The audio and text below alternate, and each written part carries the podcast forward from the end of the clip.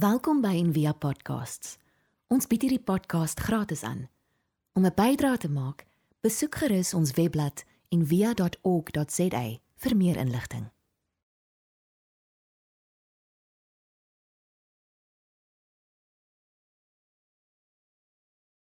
Alraai, so die tema, waar is my lewe heen en dan waar is ons Vader se heen?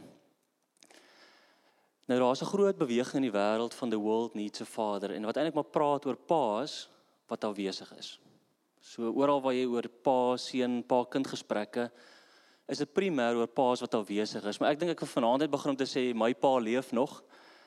En um, ek het altyd die gevoel gehad dat my pa was teenwoordig. Um weet sy pa het byvoorbeeld nooit na sy rugby games gaan kyk nie, my pa het nie een game gemis nie. Ehm um, so ek het altyd gevoel my pa, ons het 'n klomp ander voorbeelde ook, maar hy het regtig moeite gedoen om teenwoordig te wees.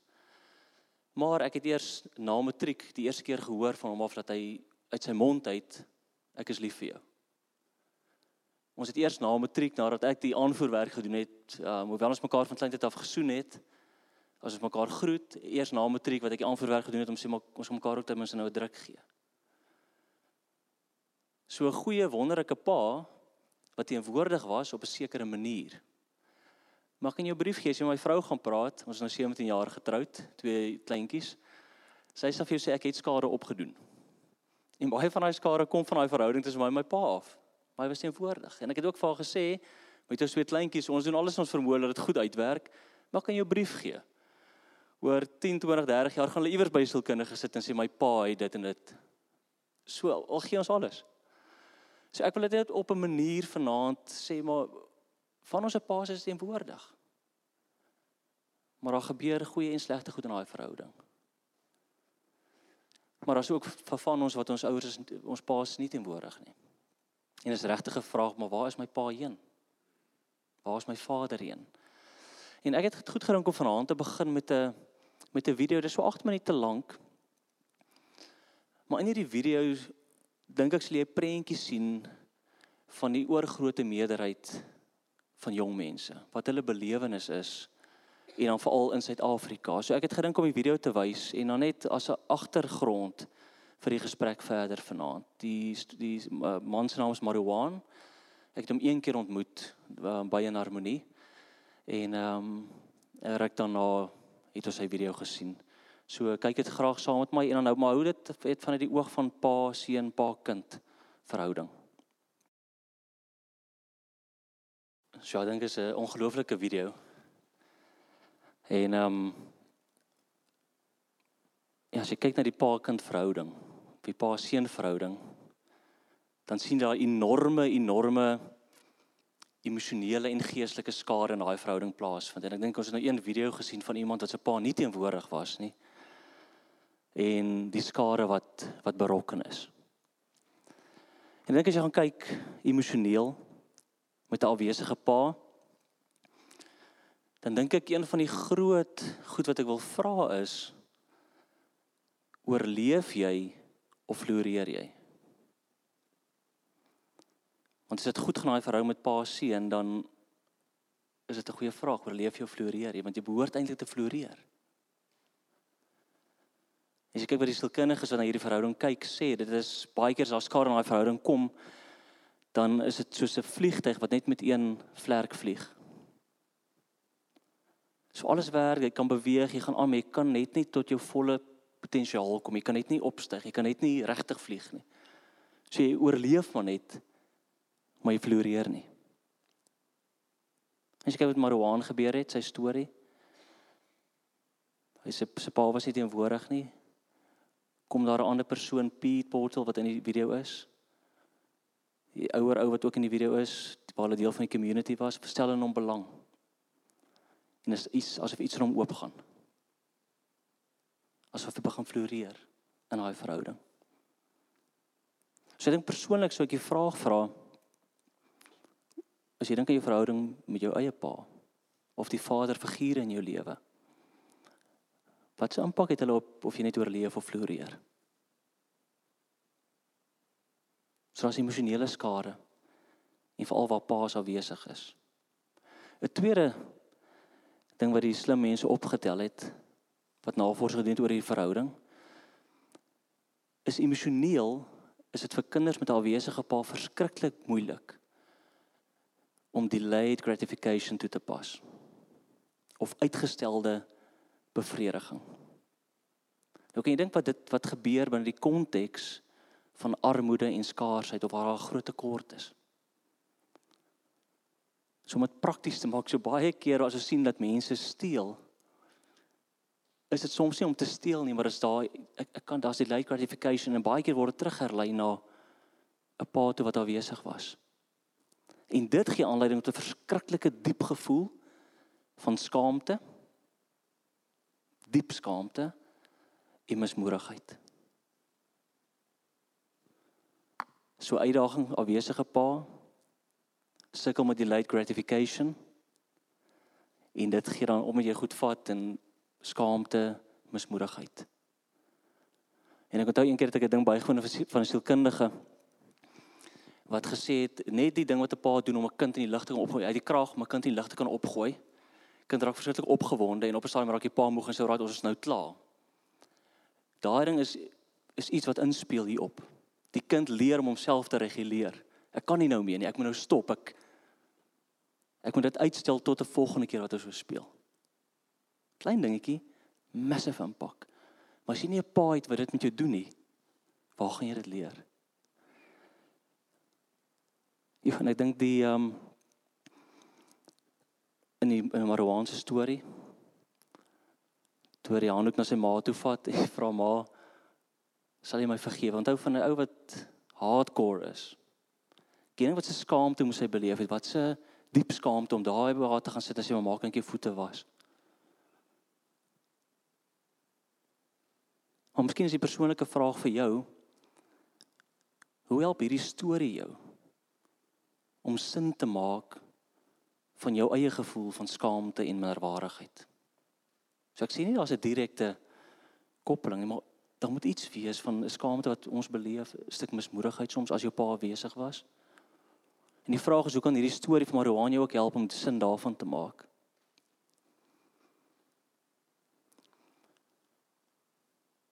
As jy pa teenwoordig is, is daar ook emosionele skade. So 'n wesige pa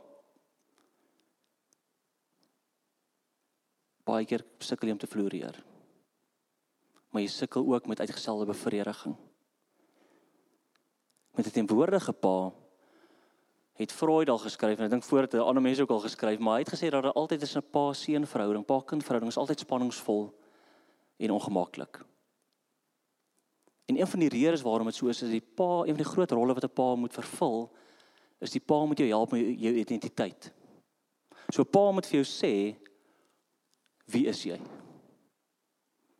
Jesus en hy sê ek is deel van 'n community waar ek geliefd is.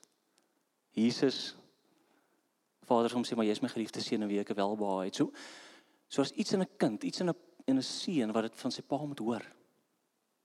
En as hy dit nie hoor nie, dan is daar groot jy kan 'n klomp goed gaan lees daaroor oor vaderwonde.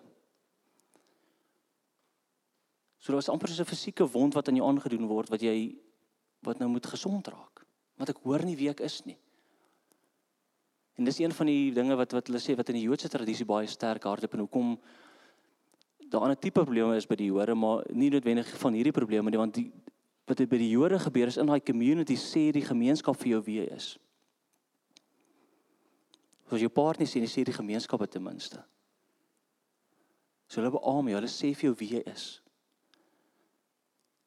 Maar as jy daar seer gehad, vat jy dit binnekant en jy begin nader dink maar ek is niemand nie, want niemand het my gesê ek's iemand en nou is ek niemand nie. En dan selfs ons sê dis nie net 'n vader wond nie, dis 'n vader honger wat jy ontwikkel. Dis 'n diep, diep, diep honger na 'n vader vir vader figuur of iemand wat vir jou sê dis wie jy is. En dan is daar mense wat selfs praat van 'n vader hy praat maar van 'n vader behoefte, so 'n vader wond, vader honger, diep behoefte aan 'n vader.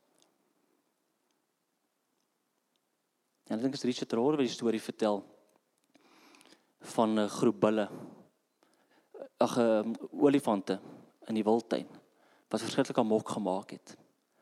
Tot klomp ouens aangekom uit te vind maar wat gaan hier aan? Wat is die moeilikheid hier? Want dit was chaos geweest. Soort experts ingekry, olifantkenners, gedragskenners en op die einde kom hulle agter die een ding is op 'n of ander manier daai hele generasie olifantbulle uitgesterf in daardie trop.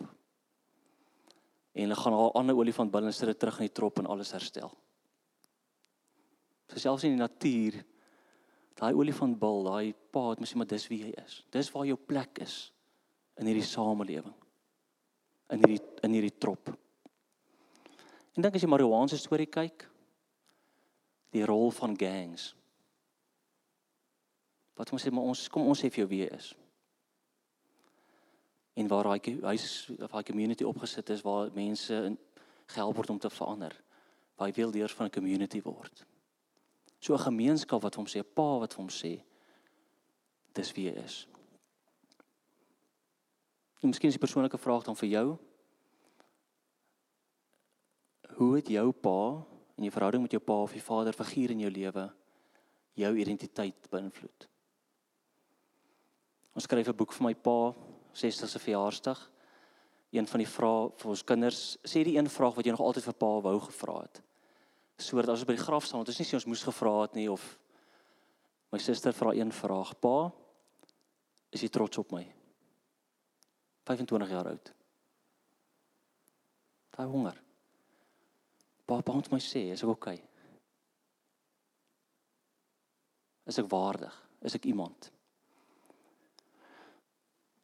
So emosioneel afwesige paas en teenwoordige paas, ons kry op een of ander manier kry ons skade. Maar dan geestelik kry ons ook skade en ek dink geestelik is die grootste skade is daar 'n geskende pa beeld of 'n vaderbeeld het 'n massive impak op die prentjie wat ons het van God die Vader. So as iets in daai verhouding wat wat afsmeer op jou prentjie van God die Vader. En ek het vir Jesus gevra in Johannes 14. Here, wys ons die Vader. Sê maar as jy my gesien het, jy die Vader gesien. So as jy kyk wat met Marwan gebeur het, ek het iets gesien van wie Jesus is. En ek dink tog dat herstel in sy in sy prentjie gekom van God die Vader. En dan is my vraag vir jou, hoe sê jy jou huidige prentjie van Jesus beskryf? Soos jy vinnige oefening moet doen het en sê maar wat hoe het dit in jou huis gegaan? En wat is die impak daarvan op hoe jy nou met God in verhouding tree? So gesê ek het in 'n baie groot geword dat my pa teenwoordig was. Ons nooit te veel gehad, ons altyd genoeg gehad.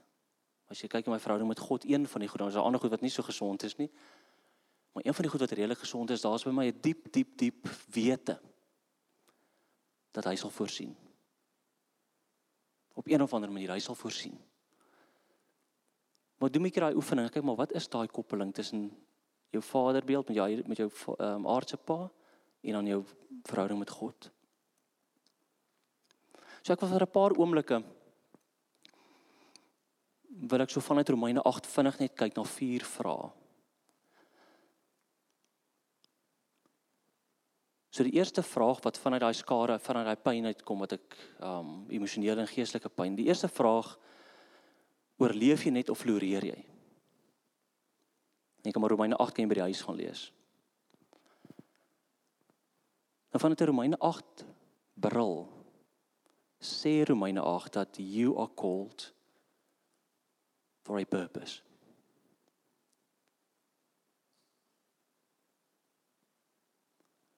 So daar's vir jou 'n doel. Daar's 'n groot prentjie oor jou as God na jou kyk. En deel van daai prentjie is dat jy kan floreer.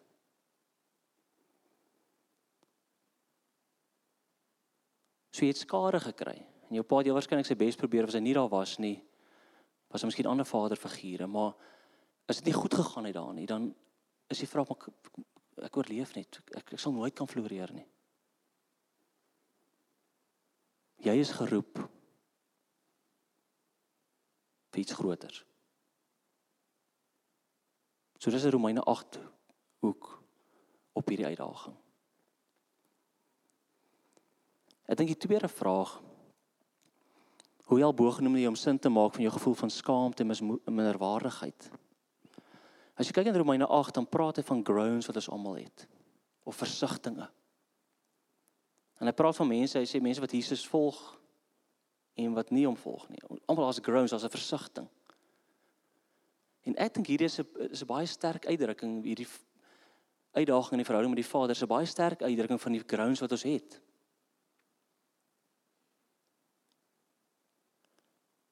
So kom ek hierdie sê is baie keer as jy pa seun praat of pa kind, dan sit baie ons praat van 'n victim hoek uit, nê? Sê my arme ek. Romeine 8 sê ons almal het grounds op een of ander manier. Hierdie is miskien dan 'n uitdrukking van jou ground. Maar moenie nou vasgevang wees nie, want jy's nie 'n victim nie. So in Romeine 8 normaliseer iets hier van as jy maar ons het 'n versigtiging. Daar's 'n diepe begeerte.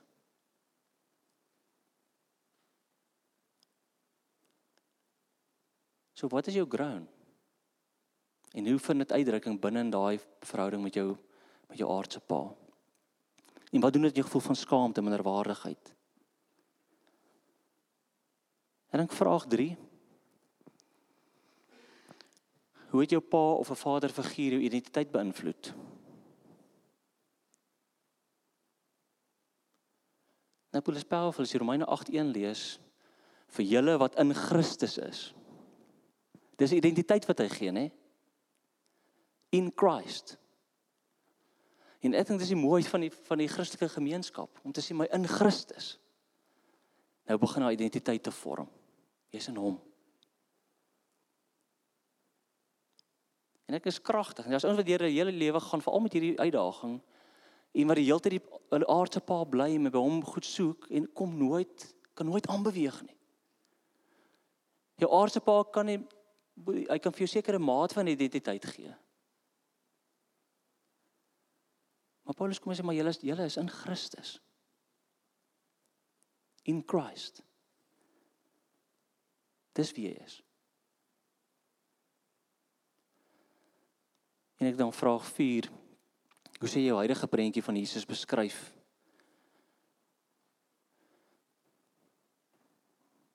Ja, ek dink baie keer in die verhouding pa kind pa seun is daar baie mense wat ek by coaching gedoen het wat sê maar nee wat God gee nie om nie hy's glad nie hier nie hy waar weet 'n goeie God slegte goed wat gebeur waar is hy Romeine 8:28 God laat alles ten goeie meewerk vir die wat hom liefhet, die wat volgens sy besluit geroep is.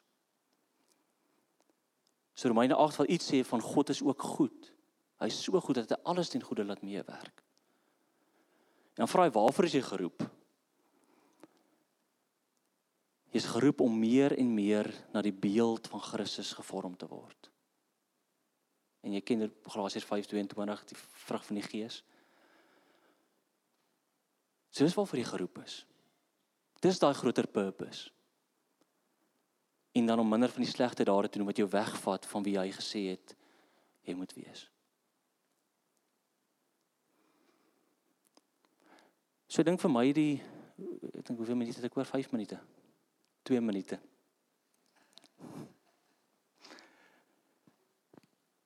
Ja, dis ehm um, ek het dit juist so gedoen want ek wil nie vir jou resep kom gee nie. Dit is eintlik maar en ek wil ook nie net vir jou sielkundige hoek gee nie. Ek dink regtig die geestelike reis, vir reis van geestelike formasie om meer en meer soos Christus te word, kan hierdie behoefte van ons aanspreek na diep verhouding met ons aardse Pa. As jy op 'n geestelike reis gaan, dan kom jy iets agter van 'n diep verhouding wat moontlik is met die hemelse Pa. En ek dink dis wat Romeine 8 sê om daarmee af te sluit voordat ek die laaste gedeelte lees. Romeine 8 sê die met ons groans weet ons baie keer is so erg, hierdie pyn is so erg en vanaand spesifieke verhouding met met jou aardse pa. Dat jy weet nie eens wat en hoe jy behoort te bid daarvoor nie. Maar as jy dan kom die Heilige Gees en die Heilige Gees groan saam met jou gees. Hy sê hy kan dit doen want jou hoop is in Christus, in Christus. En wat wat groan die Heilige Gees? Die groan van die Heilige Gees is hy vat dit wat in jou hart is en hy roep uit Abba Vader. Jy jou diepste versigtiging en 'n diep verhouding met 'n diep Ag met 'n met 'n pa. Dis iets van wat die Gees jou mee help om dit ook na God toe uit te roep. So ek het 'n videoetjie wat ek wou gespeel het, maar ek gaan hom nou los, maar ons het die storie van Marouane gewys verlede jaar vir 'n groep eh, sangers en en songwriters en hulle het 'n lied gaan skryf op grond van inspirasie wat hulle ervaar het in Marouane se storie. Ehm um, so ek kan miskien sommer gee dat ons mense kan aanstuur. Maar as jy dink prakties, wil ek afsluit met wat St Patrick gesê het. En my vraag sal wees Ons begin met die vraag waar is die Vader se een? Tot ek vir jou vier ander vrae gegee waarmee jy kan werk. En miskien is die vraag dan net om jy af te sluit maar aan watter gedeelte van Jesus moet ek watter kant van Jesus moet ek meer aan blootgestel word of watter kant van hom moet ek leer ken? Sodat ek in hom kan groei en na, na sy beeld geskape kan word, maar sodat ek ook dan dit kan wees vir die mense wat nou vir my seentjie, vir my dogtertjie. Dat ek iets van daai teenwoordigheid dan ook daar kan hê sodat hulle diep koneksie kan met my kan hê. So Christ be with me. So miskien is dit die kant van Jesus ek wil weet jy is by my. Ek wil jou so leer ken as by my. Of miskien is dit Christ within me. Here ek wil jou leer ken as iemand in my is. Jy is altyd al ver maar ek wil in my.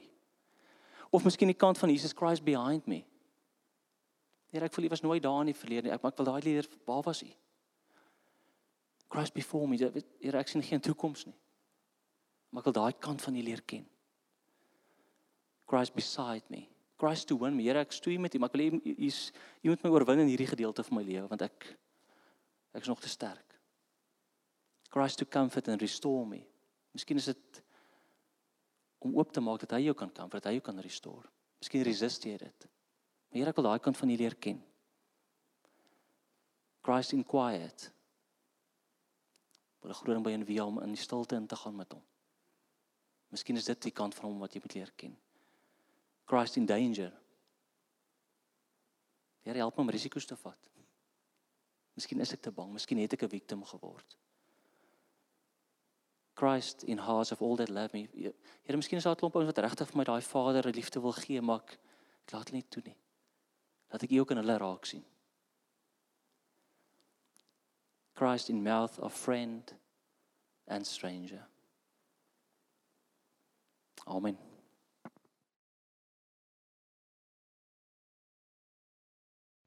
Ons hoop van harte jy het hierdie podcast geniet of raadsaam gevind. Besoek gerus en via.ok.za vir meer inligting.